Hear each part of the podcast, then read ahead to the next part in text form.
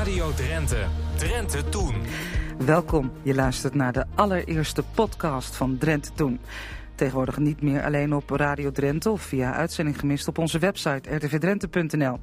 Fijn dat je luistert en uh, vind je ons leuk? Laat dat dan weten. Het liefst aan iedereen die je kent of geef ons een paar sterren.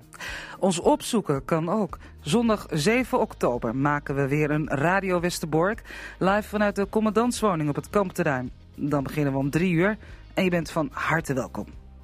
In deze uitzending praat ik met schrijvers Anja Schuring en Jan Veldman over de balans tussen feit en fictie. Als je je bezighoudt met Tjerk Vermaning, Nederlands bekendste amateur-archeoloog voor iedereen van pak en beet boven de 45. Anno 2018 is hij onderwerp van theater, expositie en boeken. Verder gaan we op pad deze uitzending. Op zoek naar huizen van stand in Drenthe. En dat is nog een heel gezoek, want zo dik gezaaid zijn die huizen van stand hier niet, zegt historicus Paul Brood. Ja, ja, als je dat nou vergelijkt met Overijssel bijvoorbeeld, met name Salland natuurlijk, waar heel veel havenstaten staan. Ja, daar was de aarde wat rijker, uh, wat, wat betere connecties onderling en uh, er staat ook meer geld natuurlijk. Ja, daar kunnen we nu nog uh, genieten van een veel groter aantal, ook hele grote havenstaten. En we reizen vanmiddag langs de Drents-Duitse grens met onze Duitse gids, her Dr. Andreas Eink. Op zoek naar een gezamenlijk verleden, hoewel gezamenlijk. Op de Duitse kant van de grens daar keken wij Duitse tv, op de Nederlandse kant Nederlandse tv en uh, ja, wij keken in twee verschillende richtingen. Verder prachtig archiefmateriaal, de jeugd van Wiebe Kruijer, het verloren gehucht Tweelo bij Meppel en de terugkeer van de vlag van Klazina Veen. Dit is Drenthe Toen. Sophie Timmer. Radio Drenthe. Wij gaan praten over Tjerk Vermaning, Nederlands beroemdste amateur-archeoloog. Voor iedereen die ouder is dan pak een beet 45 jaar. In de jaren 60 werd hij de hemel ingeprezen. Hij ontving de prestigieuze culturele prijs van Drenthe. En met zijn baanbrekende vondst ging hij ook even eigenhandig de geschiedenis van Nederland herschrijven. Met tienduizenden jaren. Tot het tij keerde. En toen ging alles mis. Hij werd beschuldigd, hij werd beschimpt, hij werd gearresteerd en hij werd opgepakt. Later ook wel weer vrijgesproken, maar toen was uh, de schade al aangericht. En wie was Vermaning nou echt? Een genie, een slimmerik, een vervalser? Het blijft speculeren, ook vandaag de dag. En dat is voer voor schrijvers, historici, onderzoekers en theatervoorstellingsschrijvers. We gaan erover praten vanmiddag, over feit, fictie en vermaning. En dat doe ik met Anja Schuring historisch onderzoeker en een van de schrijvers van De Zaak Vermaning. Prachtig boek. Ligt hier, mag ik weggeven. Drie uh, exemplaren maar liefst. En met Jan Veldman, die heel veel doet, maar ook heel veel theatervoorstellingen schrijft. De Affaire Vermaning. Gisteravond ging die in première in Hogesmilde. Allebei welkom, Jan en Anja. Fijn dat jullie er zijn. Graag, dank je. Jullie kenden elkaar niet? Nee. Nee. Maar je wist wel van elkaars werk?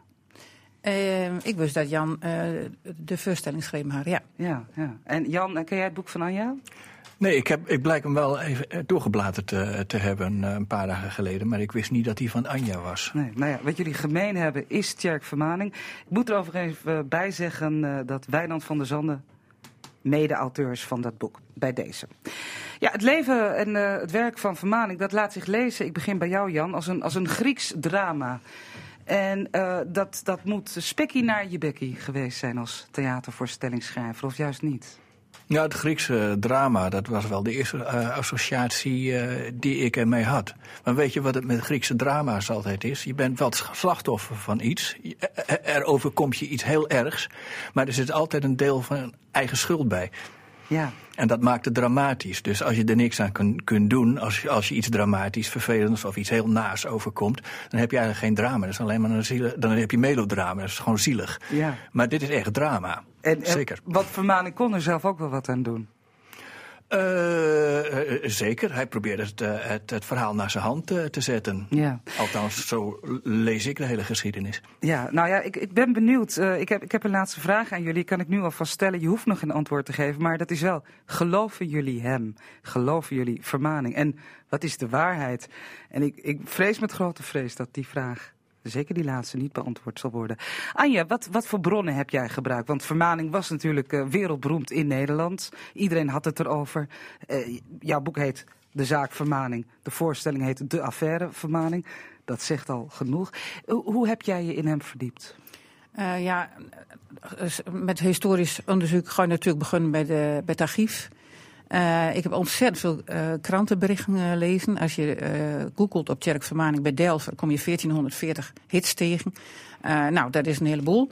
Um, hij had een eigen archief. ik heb nog onderzoek gedaan in het archief van Leeuwarden. Uh, nou ja, en er waren natuurlijk al eerder mensen geweest die erover schreven hadden. Hè? Ja, ja. En voor jou was het drama van Vermaning ook, ook al meteen vrij duidelijk? Nee, nee, toen de tijd. Uh, want ik ben dus wel boven de magische grens van 44. Uh, uh, ik heb dat toen niet volgd. Ik vond dat toen absoluut niet interessant. En dat was ook omdat het over archeologie ging. en ik vond archeologie nou, dat zei mij allemaal niet zoveel. En um, ik moet uh, zeggen, dat is nog zo. Want ik, ik heb het boek geschreven samen met Wijnand. Wijnand is archeoloog. Uh, dus dat archeologische stuk, dat zit wel goed. En ik heb dus dan vanuit de historische hoek. Ja, hij was de nagel aan de doodskist van de archeologie. Dat kun je zo niet zeggen, realiseer ik me. Maar dat was vermaning wel. Hij was een steen des aanstoots. Hij was iemand waar men zich van Lieverlee steeds meer van wilde distancieren. Um, dat denk ik wel. Dat denk ik wel, ja. Uh, maar, maar zoals dat giet met heel veel processen die heel langzaam aangaan, dat giet met hele kleine stapjes. En uh, hele kleine stapjes door kun je uiteindelijk natuurlijk ook een heel einde. Maar op het moment dat je nog uh, doende bent, dan je eigenlijk niet in de gaten dat de, de, de, nou ja, de ergernis van, de, van, de, uh, van het BAI, het Biologisch Archeologisch Instituut, in Groningen, dat dat ook al zich ophoopte, zeg maar. En voor iedereen die erbij betrokken was, was het elke keer zo'n klein stapje dat je net niet dacht van, nou, nou, nou, nou, is, nou is het klaar, nou is het genoeg. Um, Jan, uh, laten we een paar hoogtepunten doornemen voordat we vanzelf bij de dieptepunten aankomen. Want het begint met hoogtepunten. En dan ga ik even met zeven mijlslaarzen door de tijd. In 1965 doet Vermaning een belangrijke vondst. Op een steenworp afstand van waar we nu zitten. In Hogersmilde. Ja. En daarmee herschrijft hij de geschiedenis van dit land. Ja, hij schrijft daarmee uh, geschiedenis. Ja in ieder geval een, een geschiedenis. En het, het, was voor hem, uh, uh, wat ik noemde, de scène, de epifanie. Want zo, uh, zo beschreef hij het ook zelf. Zeg maar zo van, oh, ik heb gejankt toen ik het vond. En het was de grootste, grote vondst. Hij, dat, dat, dat, deed, dat deed vermaning. Dus ja. voor hem was het heel belangrijk. Of hij positioneerde dat als een van zijn belangrijkste momenten in zijn leven. Ja. Anja?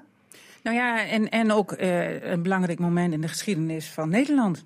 Want uh, het was ineens. Uh, We gingen terug. Ja, een enorm een eindstuk uh, terug ja. in de geschiedenis van ons vaderland. Zoals hij dat zelf uitdrukte.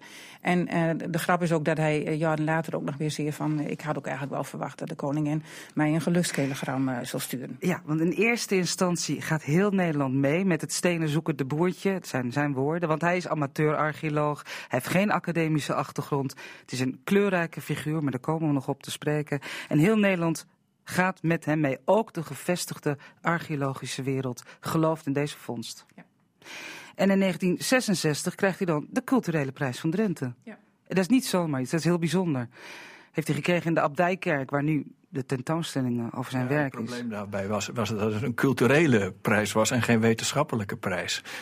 Dus hij heeft uh, die prijs ook uh, maar zuinigjes uh, aanvaard. Hij was er wel een beetje blij mee, wel een prijs, maar het, het, voelde niet als een echte erkenning voor zijn werk. En waarom stak dat hem zo? Het was ook een beetje, hij zei op een gegeven moment van, nou, er was ook een, een kinderboekenschrijfster en die, die kreeg hem ook. Nou, zo van, eigenlijk stelde het niet zoveel voor. Nee, want hij wou, hij wou erkenning van de wetenschap, hij wou een eredoctoraat. Ja. Ja, daar, daar ging hij op zijn minst voor, ja. ja. Goed, zometeen dan uh, praten we hierover door. En dan, dan laten we ook even de amateurpsycholoog in onszelf los. Want was vermaning nou een onzeker man die snakte naar een beetje erkenning? Of was het een arrogante man die, zoals Waterbolk, zijn grote opponent zei, wiens pretenties groter waren dan zijn vaardigheden? Ja, wat was hij nou? Jullie hebben hem leren kennen. Was het een, een arrogante man, Anja? Um, ik heb begrepen van de mensen die hem echt ontmoet hebben, dat hij ook een hele charmante man was. In omgang, zeg maar. Iedereen die ik uh, sprak, die met hem praatte, daar kreeg een soort van, van pretlichtjes in de ogen. Hè? Uh, en, en vaak was het verhaal daarachter dan weer ook weer heel klein. Want vaak was het gewoon een toevallige ontmoeting. Uh, maar het was wel zo van, oh ja, ja, ja, vermaning, ja, die heb ik kent, die heb ik kent. Um, en of hij ook ja, ik denk dat hij in omgang heel charmant was. Uh, ik weet niet of hij echt qua karakter ook charmant was. Nou ja, je leest ons net iets voor uit Ja. het boek. Uh, er is een soort volkstelling geweest. Ik weet niet wie dit gedaan heeft. De man wil anoniem blijven.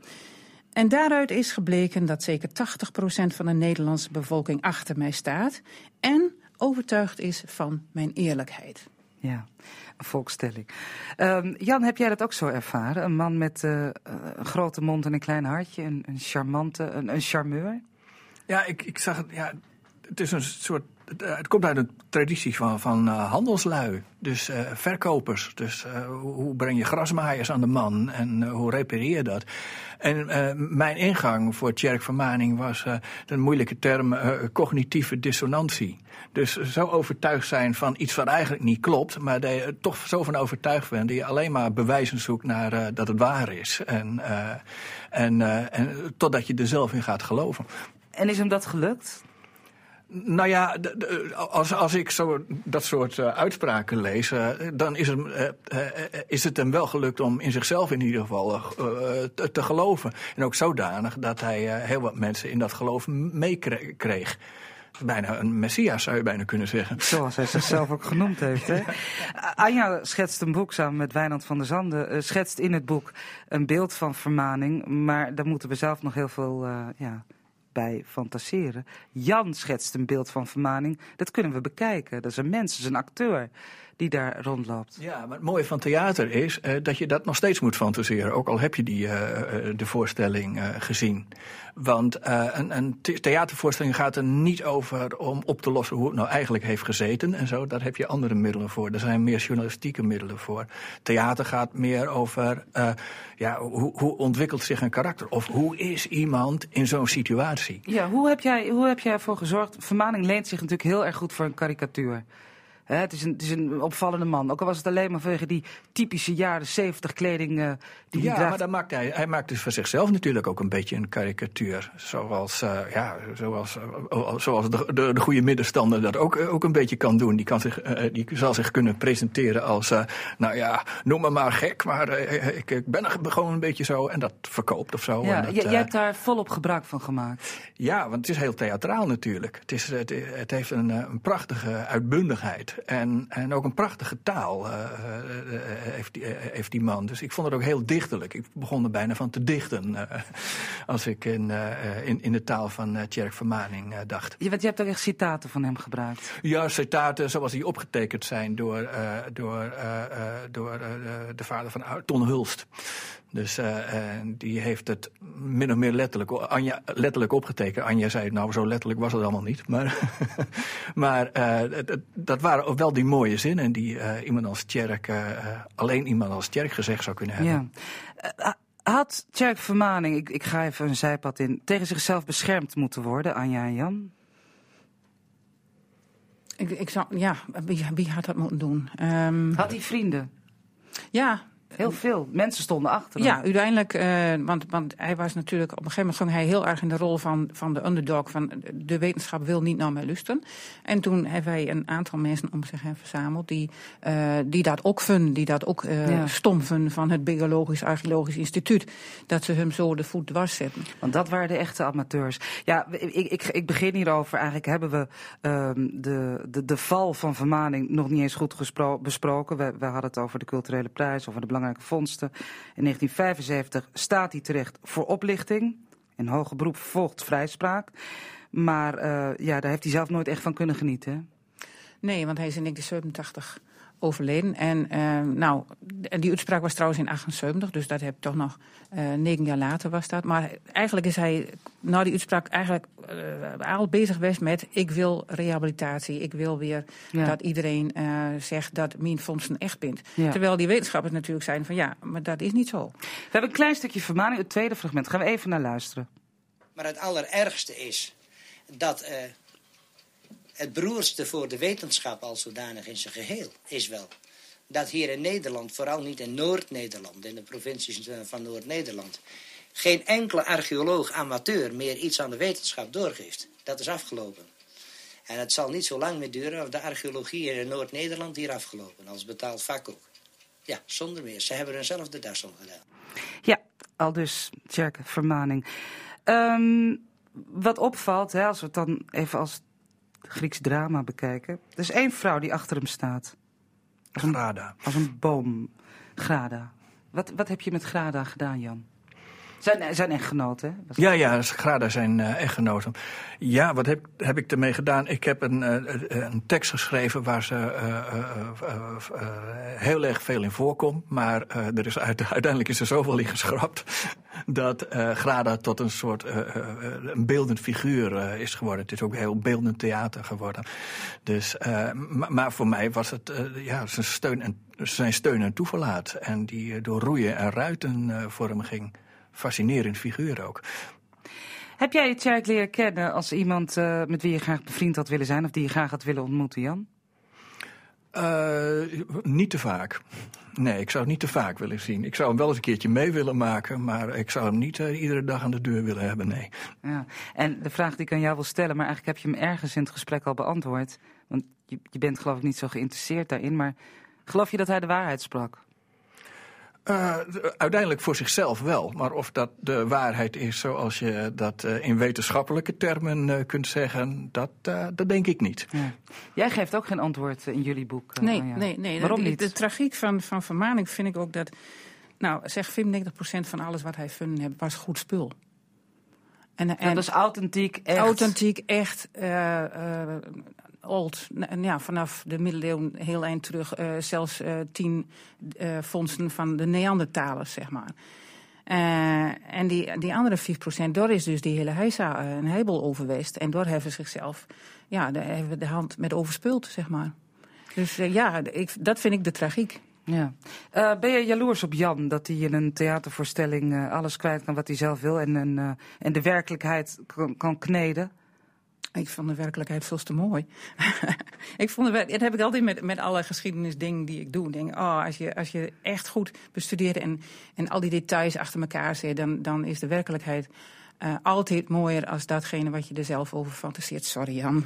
Jan? Ja, maar ik, ik, ik, ik fantaseer niet veel, maar het is meer verbeeldend wat je doet. Dus een, een boek is iets anders dan een eh, theatervoorstelling. Ja. Maar ja, jij, jij mocht af en toe de zijwegen van de fantasie bewandelen. En Anja ja, mag dat je niet. gaat, je, je gaat in iemands hoofd. ja. eh, in, in zo'n eh, in, in zo'n voorstelling. Dus eh, ja, het is, een, het is een ander medium. Het, is, het spreekt iets anders aan dan, dan een journalistiek, zo'n prachtig journalistiek boek als dat van Anja. Wat ik mooi vond in de, in de voorstelling is dat op een gegeven moment dat die broer Jolt, die. eh, eh, Een van de vele kinderen van het gezin Ja, eh, ja van maar worden, worden, worden, hè, worden, wat Jan dus doet, is dat hij zegt van nou, die Jolt en, en, Van en Tjerk kon heel goed met, met elkaar overweg. En Jolt is dan geïnteresseerd in archeologie. En Tjerk die neemt dat een beetje van hem over.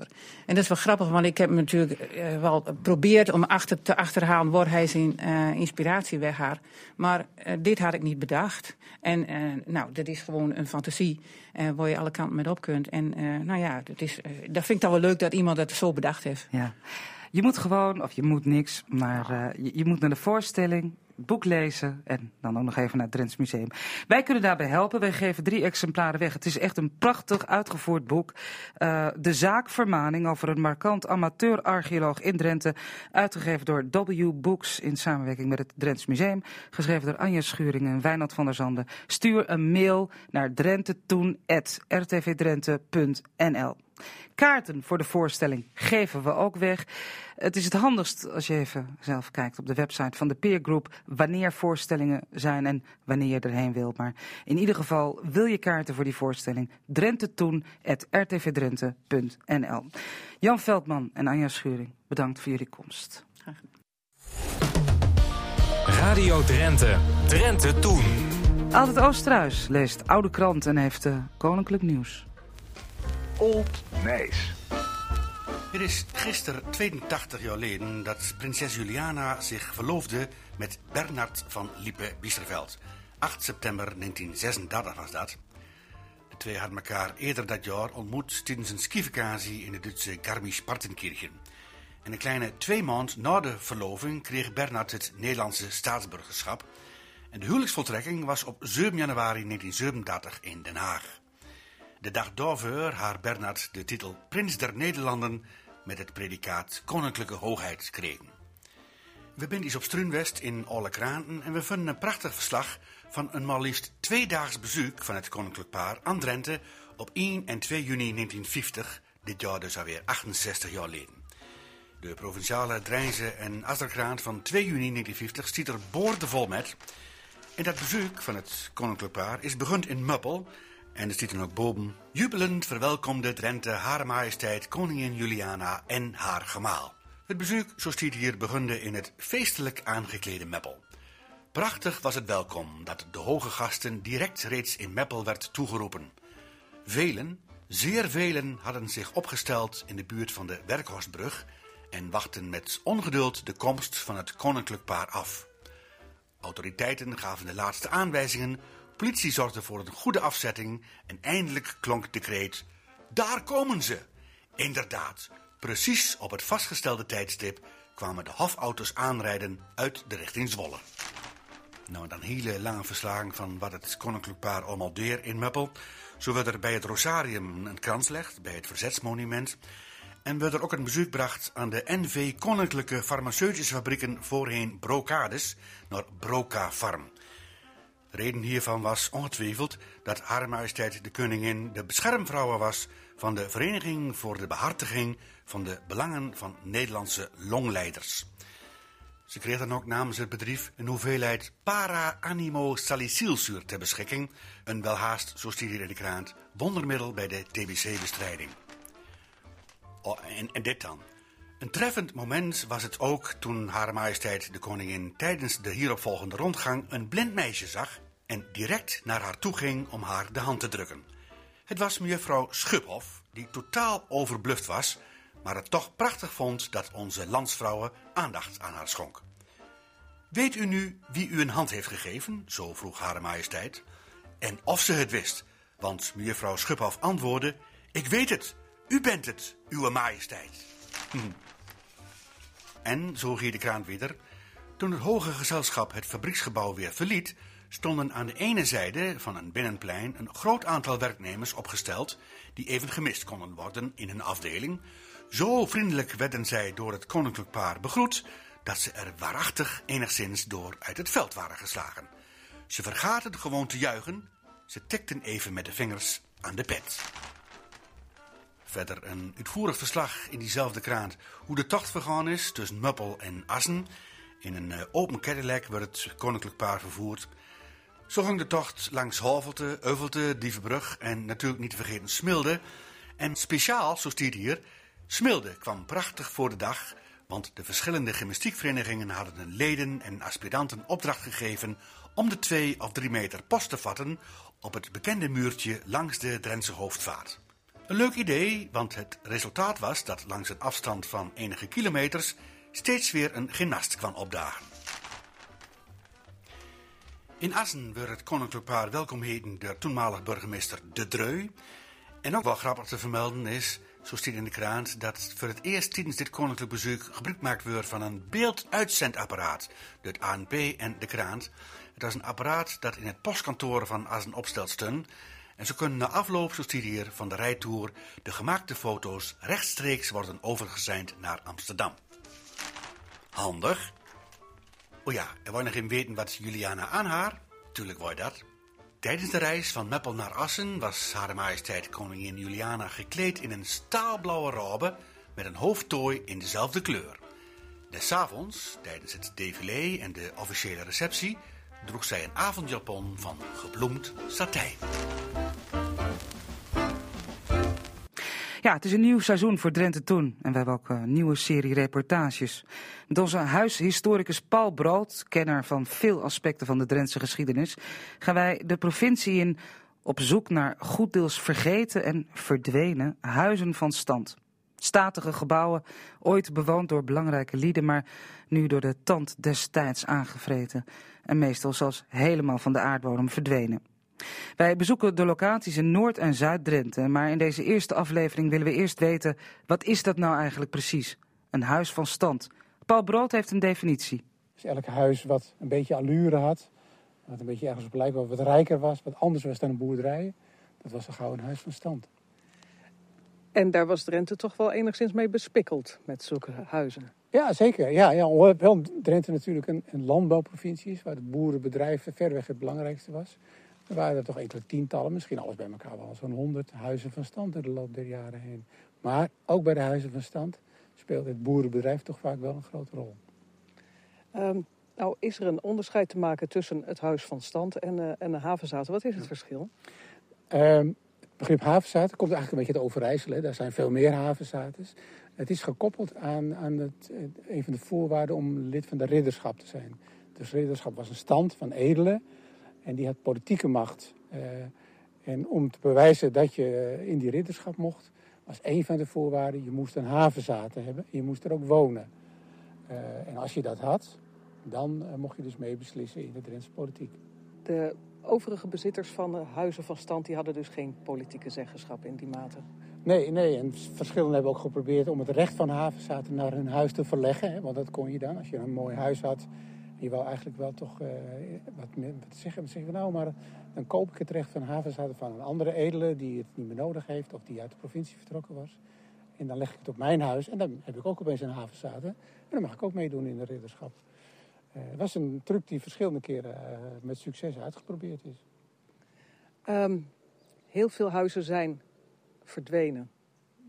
Hoeveel? Hoe, hoe moet ik die verhoudingen zien? De meeste zijn eigenlijk verdwenen, zou je kunnen zeggen. Van de havenzaten hebben we er geloof ik nog een stuk of zes, zeven over. Van de oorspronkelijke havenzaten. Uh, van de huizen van stand zijn er wel wat meer. Hè. De, de, de, groep was natuurlijk ook veel groter. Maar toch zie je dat de meeste wel verdwenen zijn uh, in de loop der eeuwen. En vaak is het gewoon verval geweest. Uh, ging er iemand dood, was er geen opvolgers. Ja, wat moest je met zo'n huis? En dan werd het maar gesloopt. En zo ging het vaak heel praktisch. Dus eigenlijk hadden we hier in Drenthe een hele, een hele rijkdom kunnen hebben aan, uh, aan prachtige oude huizen. Maar het is teloor gegaan. Ja, ja, als je dat nou vergelijkt met Overijssel bijvoorbeeld. Met name Salland natuurlijk, waar heel veel havenstaten staan. Ja, daar was de aarde wat rijker. Uh, wat, wat betere connecties onderling. En er zat ook meer geld natuurlijk. Ja, daar kunnen we nu nog uh, genieten van een veel groter aantal, ook hele grote havenstaten. En dat is in Drenthe dan verloren gegaan. Maar er zijn nog hele mooie. We hebben de Havikshorst, we hebben Oldegaarde, we hebben Laarwoud. Dat zijn allemaal nog mooie havenzaten. We staan hier bij een huis wat uh, verdwenen is. Uh, maar er is nog wel het een en ander te zien. Dit is Batingen, hè? Ja, ja we liggen, staan hier uh, bij de achteringang van Batingen, zou je kunnen zeggen. Het is ten, net ten westen van Dwingelo, hè, aan de weg van Dievenbrug naar Dwingelo. Dan zie je, als je daar rijdt, nog die hele lange oprijlaan van Batingen. Dat is toch de oorspronkelijke oprijlaan ook. Uh, en dan kom je uit op een uh, terrein waar uh, een gracht omheen ligt. Die gracht is er ook nog. maar verder, ja, het oorspronkelijke havenzaad is helemaal verdwenen. Er staat nu een particulier huis, wat particulier bewoond wordt. Het is privébezit allemaal. Een mooie tuin erbij, maar het is niet meer de tuin van de havenzaad, helaas.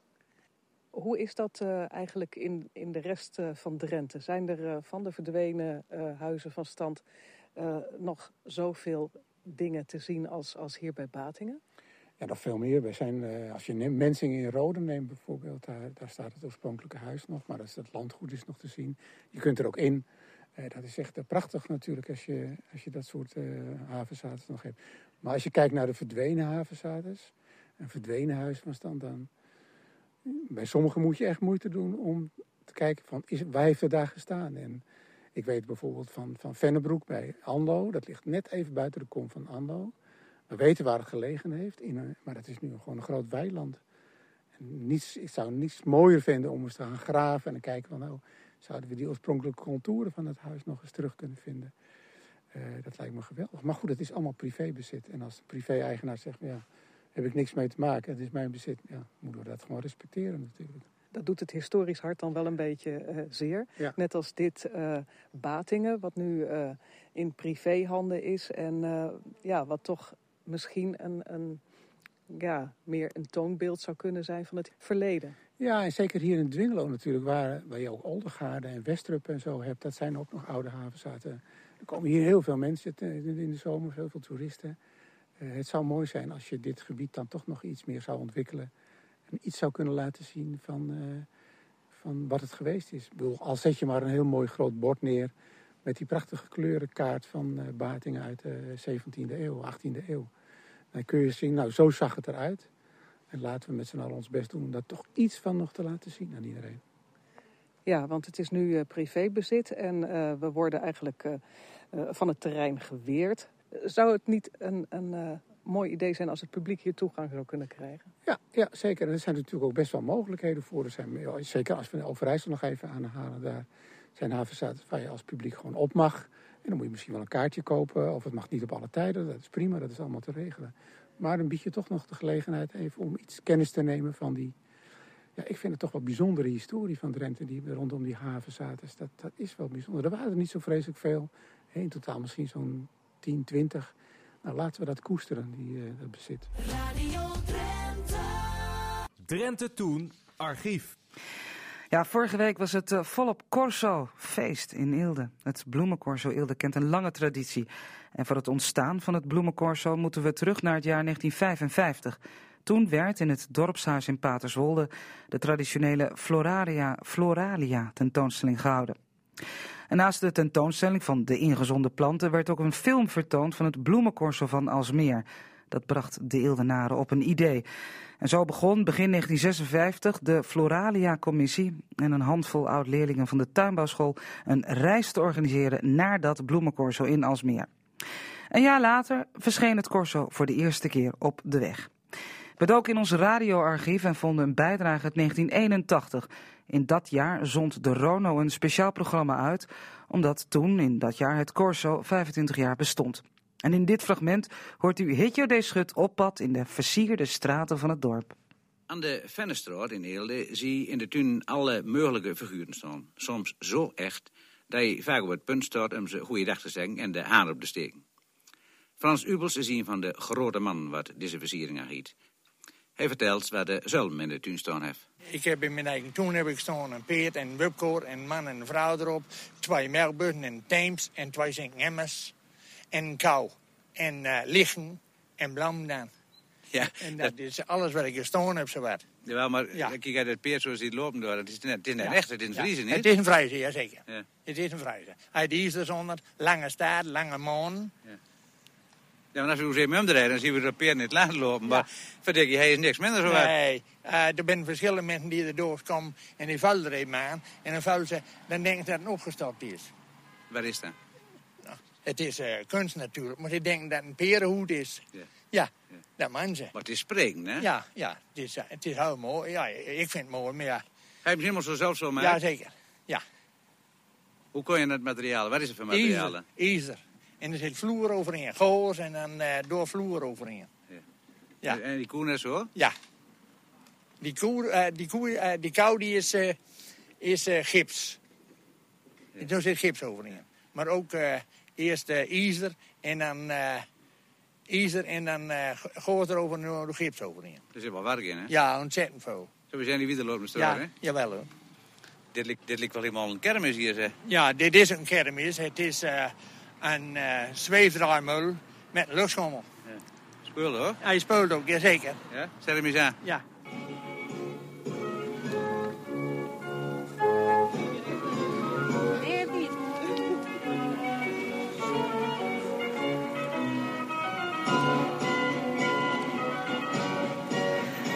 Nou, ik weet niet of dat er uh, anno 2018 ook nog was, dat draaiorgel. 1981 wel. Wat mooi was dat om uh, Hitjo. Schut even weer te horen. Zometeen gaan we mee op onderzoek langs de Drents-Duitse grens met Lydia Tuinman en haar gast Andreas Eink. En ook bellen we met de Stichting Historisch Klazina Veen, want die hebben nieuws over een 130 jaar oude vlag. En dat is ook meteen een oproep voor alle historische verenigingen van Drenthe, in Drenthe. Heb je nieuws? Hou ons op de hoogte. We hebben altijd een plek vrij voor de historische verenigingen. En het zijn er nogal wat. Maar nu eerst. Een eeuwen oud, in de vorige eeuw definitief van de kaart en de aardbodem verdwenen gehucht. Vlakbij Meppel, waar we opkwamen dankzij historica Gary Wiersema. Wiersema maakt de kanon van Meppel. Dat doet ze niet voor een boek of voor een film, maar voor lessen op de Meppeler basisscholen. En bij het onderzoek en het samenstellen van een les over de oude Havelter Maden voor de bouw van de woonwijk in de jaren 50 kwam ze Twelo tegen. Een eigenzinnig en oud gehucht dat vlakbij Meppel lag. In documenten uit de 15e eeuw komt het al voor. En pas in 1942 ging Twelo van de gemeente Ruinewold naar Meppel, maar niet voor lang. Hoewel het ontegenzeggelijk cultuurhistorische waarde had, ging het compleet tegen de vlakte bij de uitbreiding van de wijk Haveltermade. Verslaggever Serge Vinkenvleugel die liet zich in het huidige Twelo rondleiden door historica Wiersema. Nou, ik loop hier over de oude weg door Twelo. Uh, daar is nu niks meer van over. Twelo was een uh, middeleeuws gehucht dat langs de Wold lag. Um, het had een beetje een dubieuze reputatie. Er waren nogal wat herbergen. Traditioneel werd hier tol geheven. En in 1955 viel helaas het doek voor Twelo. Het had cultuurhistorische waarde en toch heeft men besloten om het met de grond gelijk te maken. En uh, het enige wat er over is, is de straatnaam, Tweelo. En verder uh, staan hier nu blokkendozen. Ging dat dan zomaar? Was er nog niet één protest? nou, er was zeker wel protest. Er waren verschillende maatschappelijke organisaties die protesteerden tegen de afbraak van Tweelo. Er is een onderzoek geweest, een rapport geweest. Er werden alternatieve plannen ontwikkeld, maar niets moest ba mocht baten. Uiteindelijk wilde het Rijk niet financieren dat dit uh, bewaard gebleven werd. Dus uh, viel in 1955 het doek. Alles moest maar gewoon wijken voor de vooruitgang? Uh, ja, zo zou je het kunnen zeggen. Um, men vond dat Tweelo te veel ingekneld raakte binnen de wijk Haven te Maden. aan de andere kant van Tweelo zit een scholencomplex. en ja, dat moest en zou er komen. En daarmee uh, was het uh, doodvonnis voor Tweelo getekend. En dit is het scholeneiland waar Tweelo voor moest wijken.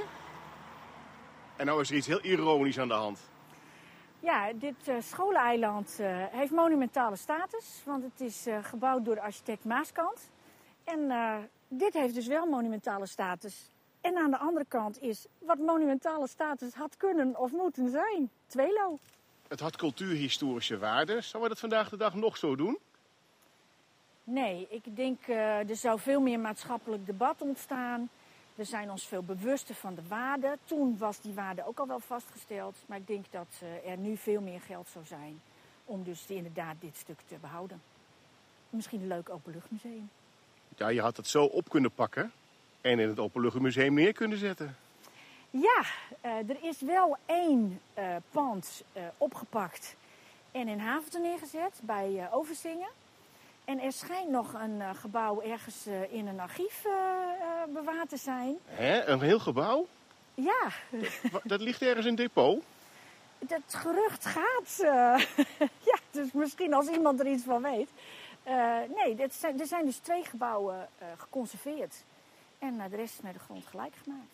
Maar waar ligt dan dat verborgen gebouw? Ja, wie het weet mag het zeggen. Tip de historica. Ja, graag. Wie het weet mag het zeggen. En dat kun je ook tegen ons zeggen. Alle informatie die Gary Wiersema kan gebruiken over het verdwenen gehucht Twelo... kun je ook bij ons kwijt. drentettoen.rtvdrenthe.nl Drenthe Toen Nieuws. En eigenlijk hebben we heel veel nieuws, want uh, we zijn er weer na de zomerstop met Drenthe Toen. Twee uur nu in plaats van één uur. De komende maanden gaan we wel een beetje op verschillende uitzendtijdstippen zitten op de zondag. U bent alvast gewaarschuwd, we houden u op de hoogte. Het heeft alles te maken met uh, de promotie van FCM naar de eredivisie. Maken we graag plaats uh, voor en ruimte. Maar uh, er gebeurt nog veel meer. Lydia Tuinman zit bij mij aan tafel. Lydia is mijn collega. We maken dit programma samen. Ja. Lydia, wij zijn uh, vanaf nu ook actief op de social media, hè, zoals het heet. Ja, wij zijn de bewerkers en, en de beheerders van een waar platform, hè, zoals dat tegenwoordig heet. Facebook, Twitter. Instagram zelfs, daar moeten we nog een beetje oefenen. En we krijgen ook een podcast. Ja. Ja. ja, en daar kun je ons dus vinden. Bijvoorbeeld op Facebook. Uh, uh, bezoek onze pagina of ga naar hashtag Drenthe Toen op Twitter. Ja, en Drenthe Toen heten we ook op Facebook. En ga ons liken, want dat is belangrijk. En dan krijg je alle leuke nieuwtjes mee op historisch gebied. Hè. Als Drenthe Toen weer eens geschiedenis schrijft, dan, dan kun je dat als eerste weten. Ja, goed. Je hebt ook wat tips voor ons. We hadden het net over het Drents Museum met de gast in vorige uur. Jan Veldman, Anja Schuring. We hadden het over de theatervoorstelling. Gisteravond de première. Een uh, prachtig boek uh, is er uitgekomen. Maar in het museum is er dus die tentoonstelling. En daar doen ze ook aan allerlei activiteiten rondom vermaningen. Ja, ja de zaak vermaning die wil het Drents Museum nog een klein beetje uitbouwen. En dan, ja, vervalst of niet, is het echt of is het, is het fake? Um, Drents Museum heeft een serie lezingen. De eerste was vandaag al. Daar ben je voor te laat. Dat is, uh, die was al om 1400 uur. Maar je kan nog een keer op 14 oktober en op 11 november zijn er lezingen. Um, eigenlijk voor families met nieuwsgierige kinderen staat hier vanaf 9 jaar. Nou, we zijn eigenlijk allemaal nieuwsgierige kinderen vanaf 9 jaar. Uh, de vraag die gesteld wordt in die lezing is: hoe herken je een vervalsing? En hoe worden vervalsers en fantasten ontmaskerd? Wil je wel eens wat meer weten over grootste, de grootste vervalsingszaak uit de Drentse geschiedenis.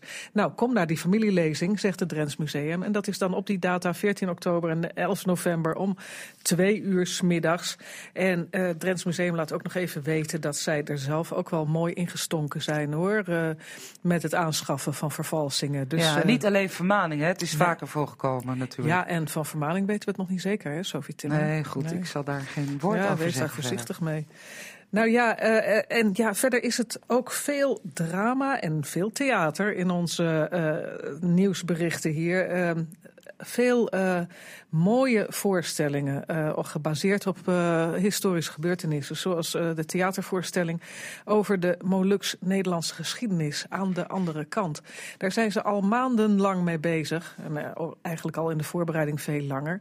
Ehm, ja hoe zijn de uh, mensen hier gekomen destijds, de knillers? En, en uh, daar is in samenwerking met onze muzikale tweeling Tangerine een, uh, een hele mooie theatervoorstelling over gemaakt. We gaan daar verderop in, uh, in deze maand ook nog aandacht aan besteden. We gaan kaartjes weggeven. Uh, we gaan daarover spreken. Maar het, begint, het begint binnenkort aan de andere kant. Op de werf van Niester Sanders in Farmsum zijn opnames geweest. Ehm, de derde en vierde generatie Molukkers die hebben de aankomst van hun grootouders in Rotterdam in 1951 nagespeeld. En wat je dan ziet in, dat, uh, in de berichtgeving daarover zijn prachtige foto's van ja, mensen die ja, daar op boten staan met hun kniluniformen aan. Ja. Met, uh, ja, je ziet de vrouwen sjouwen met de kindertjes. Ze komen de trappen van de schepen af. Maar dit zijn dus de nakomelingen. Die het na hebben gespeeld. Die het na hebben gespeeld. Ja, ja. goed. Uh, wij besteden daar, zoals je zegt, aandacht aan. Ja. Zometeen draaien we nog een Tangerine. Uh, maar je hebt nog meer theatervoorstellingen bij, hè? Ja, hier komt erin om zowat. Ja. 150 jaar bestaat de theatergroep Helmers uit Gieten. En zij hebben een voorstelling gemaakt over een wel heel Gietens of Gieters onderwerp. Dat is het varkensparadijs. Dat is uh, over de, de, de slachterij, hè, de vroegere varkensslachterij Udema. En uh, nou ja, dat zetten ze op de planken en dat doen ze uh, in de molen de Hazenwind aan de Naweg in Gieten. En ja, binnenkort de eerste voorstellingen. Maar jammer genoeg, ik heb nog even gebeld, het is helemaal uitverkocht. Ja. Ja. Ja. je kan er niet meer heen. Nee. We gaan er wel uh, binnenkort eens even praten om terug te blikken op die 150 jaar geschiedenis van uh, Helmers. Ja, waar je nog wel heen kunt volgens mij, dat is Welstaat. Ja, Welstaat in, uh, dat is Frederiksoord. Dat is ook weer een hele theatrale interpretatie van de geschiedenis en uh, een locatievoorstelling op drie verschillende plekken uh, in Frederiksoord. Ook weer heel, heel spectaculair met, met muziek en op, ze gaan bijvoorbeeld in het logement en gasterij, Frederiksoord. Ze gaan, uh, het woonhuis van Johannes van der Bos wordt erin betrokken. Het bos zelf wordt erin betrokken. Uh, de sprookjesachtige kant van het historische bos wordt, uh, wordt benut. Nou, dit is ook weer een voorstelling die loopt van 19 tot 30 september. En ja. Uh, ja, ook weer allemaal zeer. Uh, hoe, hoe historisch juist het is, dat is natuurlijk de vraag. Het is, ja. een, uh, het is een interpretatie. Feit en fictie, dat is leuk, ja. want we hebben natuurlijk jarenlang alleen maar Shakespeare gehad in Diever. En sinds een paar jaar is het. ja, de theater, locatietheatervoorstellingen die vliegen je om de oren. Links en rechts, ja. In een tweede nieuwe serie reportages zwerven wij de komende maanden langs de Drents-Duitse grens. En dat doen we met dokter Andreas Eink. Hij is directeur van het Emsland Museum in het Duitse Lingen en groot kenner van de geschiedenis van het grensgebied. Collega Lydia Tuinman die trof hem al om zeven uur s morgens in het Duitse plaatsje Twist om daar op zoek te gaan naar een bijzondere grenssteen. Het is heel vroeg 's ochtends. Ja. en we staan midden in een, uh, ja, in een, in een landbouw, uh, uh, in een landbouwgebied. De, mais, de verdroogde mais staat om ons heen. en ik sta hier met her dokter Andreas Eink. hij is Duitser, maar hij spreekt heel goed Nederlands. En we gaan samen langs de grens een aantal afleveringen maken van een grensoverschrijdend stukje van Drenthe toen. En ik heb hier een kaart in mijn handen. Um, waar, waar zijn wij? Vertel dat eens. Ja, we zijn nu bij Twiest, op de driehoek tussen Graafschap Bentheim, Eemsland en Drenthe. En nu is hier een landbouwgebied, maar vroeger was hier een veengebied. Het was niet toegankelijk, het was alleen moeras. En uh, in de midden van het veen, daar lag de grens. Maar niemand wist waar precies de grens was. En de, later, in de 18e eeuw, daar hebben ze een vaste lijn getrokken tussen Duitsland en Nederland. En hebben daar ook stenen gezet. En wij gaan nu naar de eerste van de stenen uit het jaar 1784. Oh, en die, dat is nog steeds dezelfde steen dan? Dat is uh, steeds nog dezelfde steen en die staat natuurlijk nog, ook nog op dezelfde plaats. En wie hebben die steen daar gelegd? Waren dat de Nederlanders of de Duitsers? Dat hebben ze samen gedaan. Ze hebben een grenscontract uh, een, uh, een grenscontact uh, gevestigd en daar hebben ze samen de stenen gezet om vrede op de grens te hebben. Nou, kijk aan, wat een mooie gedachte. Daar gaan we heen. Is het ver? Nee, 300 meter. Aha. Misschien.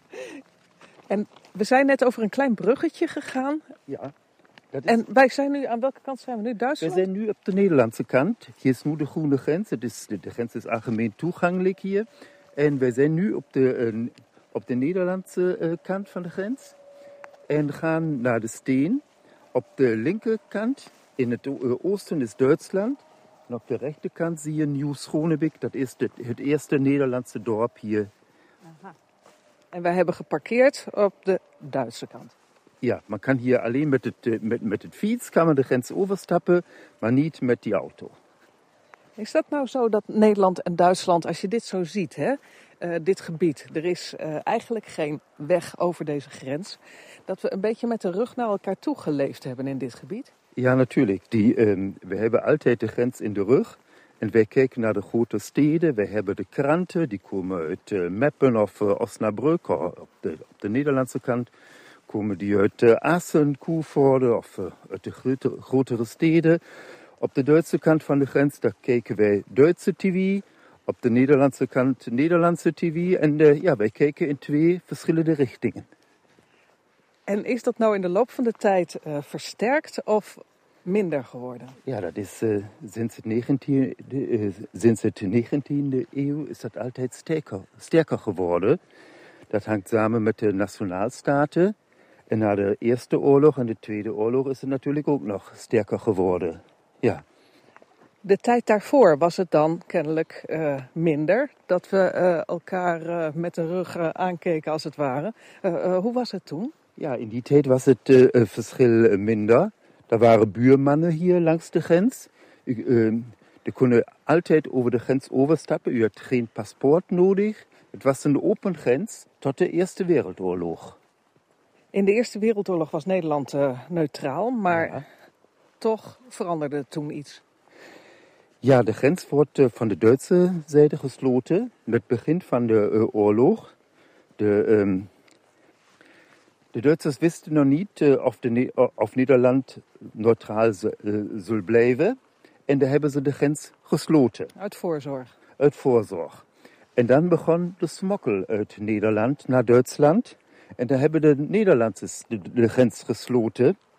En uh, op het eind van de, uh, van de Eerste uh, Oorlog was de grens allemaal dicht, pottendicht. En niemand kon over de grens gaan. En dat was een groot verschil tot de situatie vijf jaar ervoor. Daar ziet u de steen. De, de grensweg maakt hier een kleine hoek. En dit is precies de driehoek tussen Nederland, Bentheim en Eemsland. Een soort drielandenpunt. Dat is een, uh, een van de drielandpunten. Een bekende drielandpunt is bij uh, Gronau, de drielandsteen. Maar dit is ook een uh, drielandsteen. Alleen niet zo groot dan in Gronau.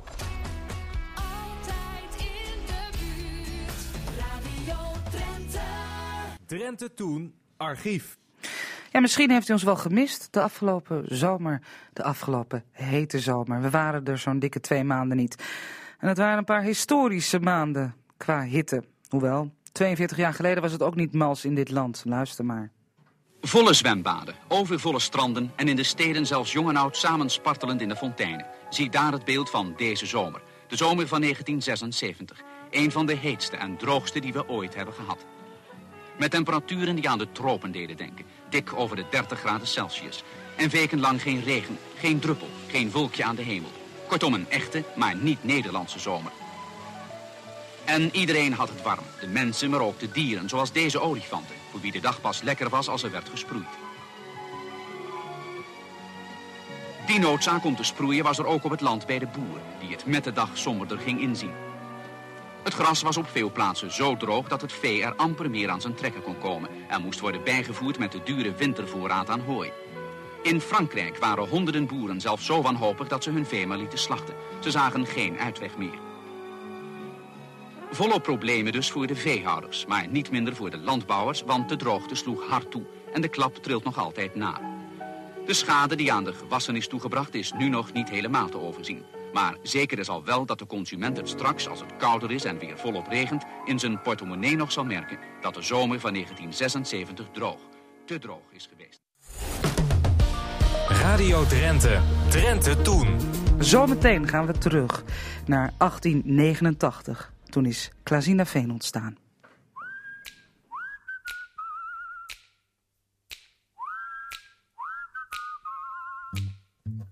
Ik loop graag over straat een blakkie om.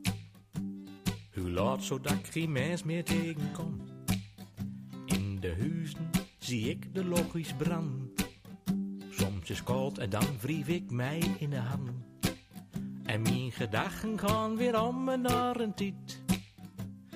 Toen al die huizen hier nog niet.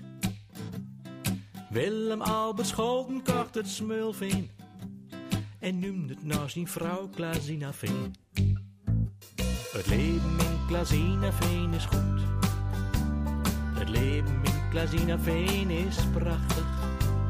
De mensen hier die weten hoe je het leven leven moet. Het is allemaal begonnen in 1884.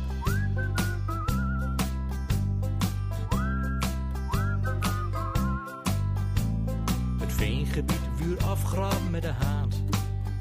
Hier en daar stonden plaggen in het land.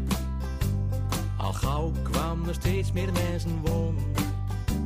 Ze warten hard ondanks de lege loon. Ook de Duitse bruggen kwam erbij. En menigeen gaat door, zijn eerste vrijpartij. Schepen ging deurt van ergens knal. Dat was toen gewoon, dat was toen heel normaal. Het leven in Klazinaveen is goed. Het leven in Klazinaveen is prachtig. De mensen hier die weten hoe je het leven leven moet. Het is allemaal begonnen in 1884.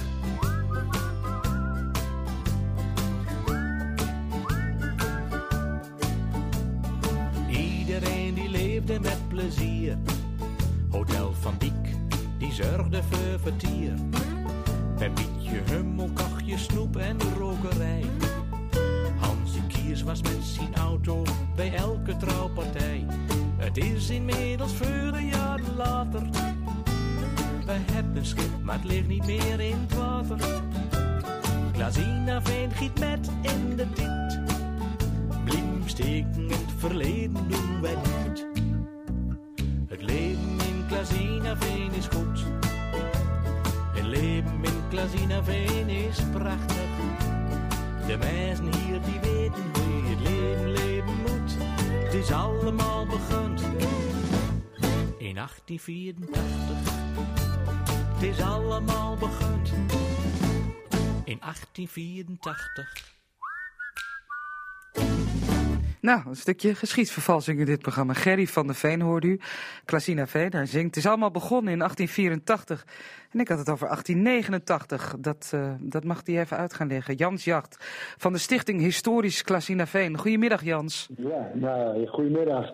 Ja, in, in, uh, in 1884, uh, goed in 1984 werd het Eelfeest gevierd. En waarom werd in 1984 het Eelfeest gevierd? En het centrum er werd, uh, ja, er werd opgeknapt.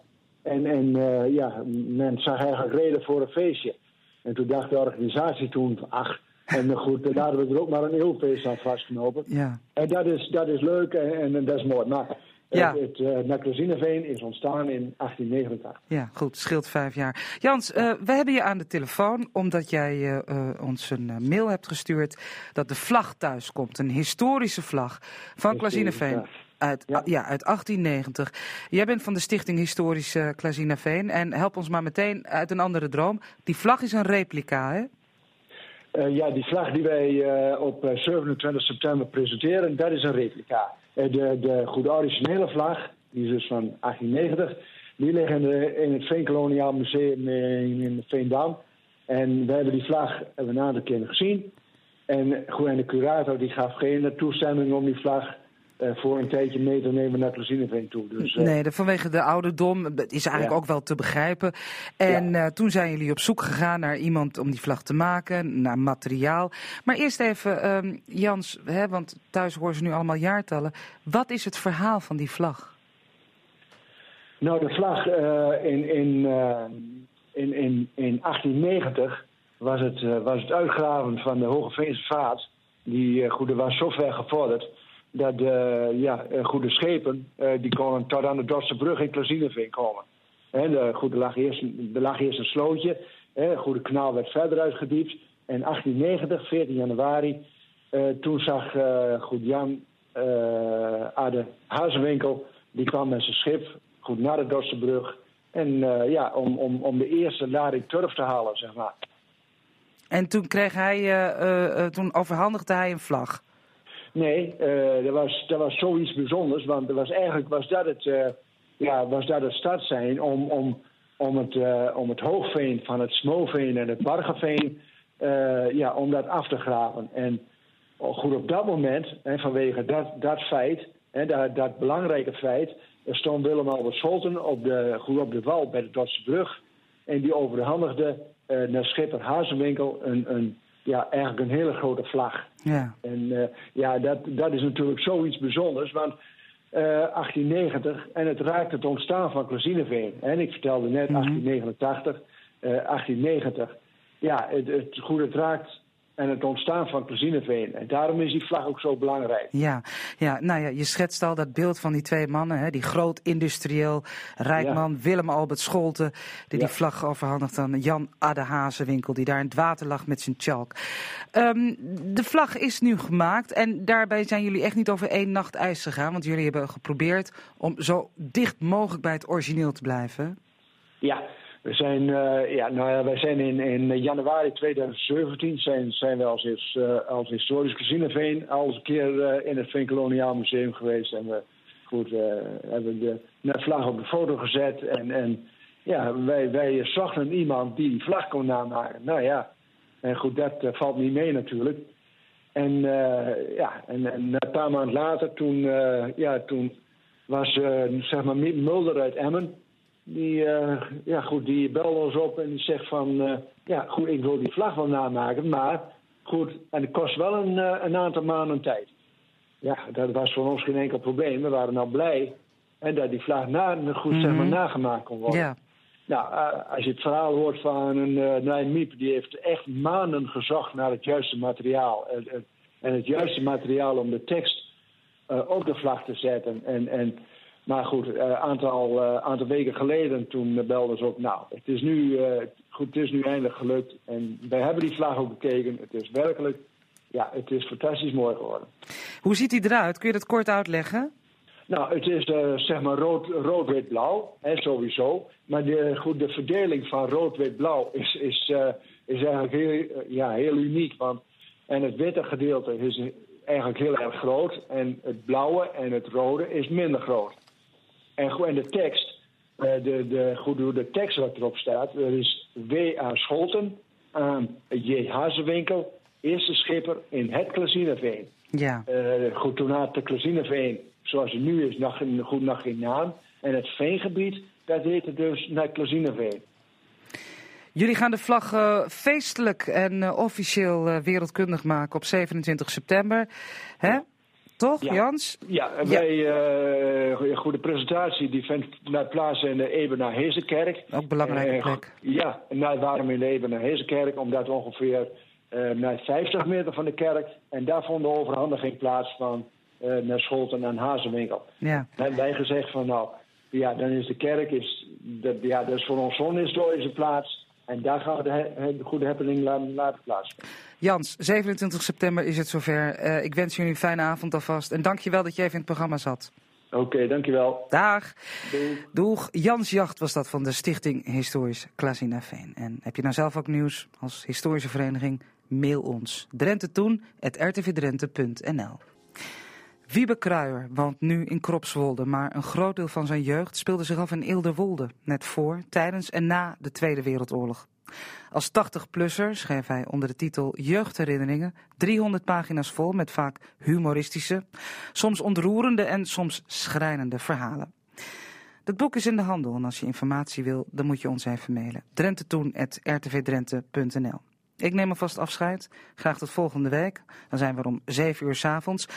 En nu kun je luisteren naar een van die juweeltjes van Wiebe Kruijer, voorgedragen door collega Robert Oosting. Vandaag dus de eerste aflevering van Wiebe Kruijers Jeugd.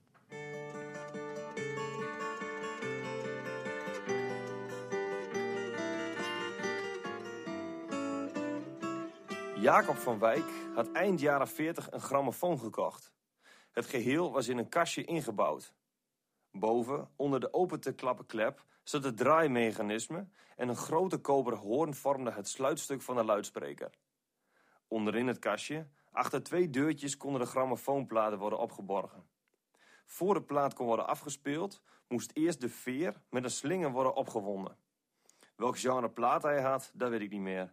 Maar dat deed er ook niet toe. Het was voor ons kinderen een wonder van techniek. Het was bij de Van Wijks gewoonte om op zondagmorgen gewoon te werken. Pas de middag werd het werk gestaakt en zondagmiddag kreeg iedereen een flesje drinken. Op zaterdagmiddag ging ik vaak met Pieter mee naar de Boterdijk om bij Hofkamp, de drankenhandel, een aantal flesjes limonade, gazeuze en ik denk ook bier te halen. Wat een luxe! Een dergelijke gewoonte kennen wij thuis helemaal niet.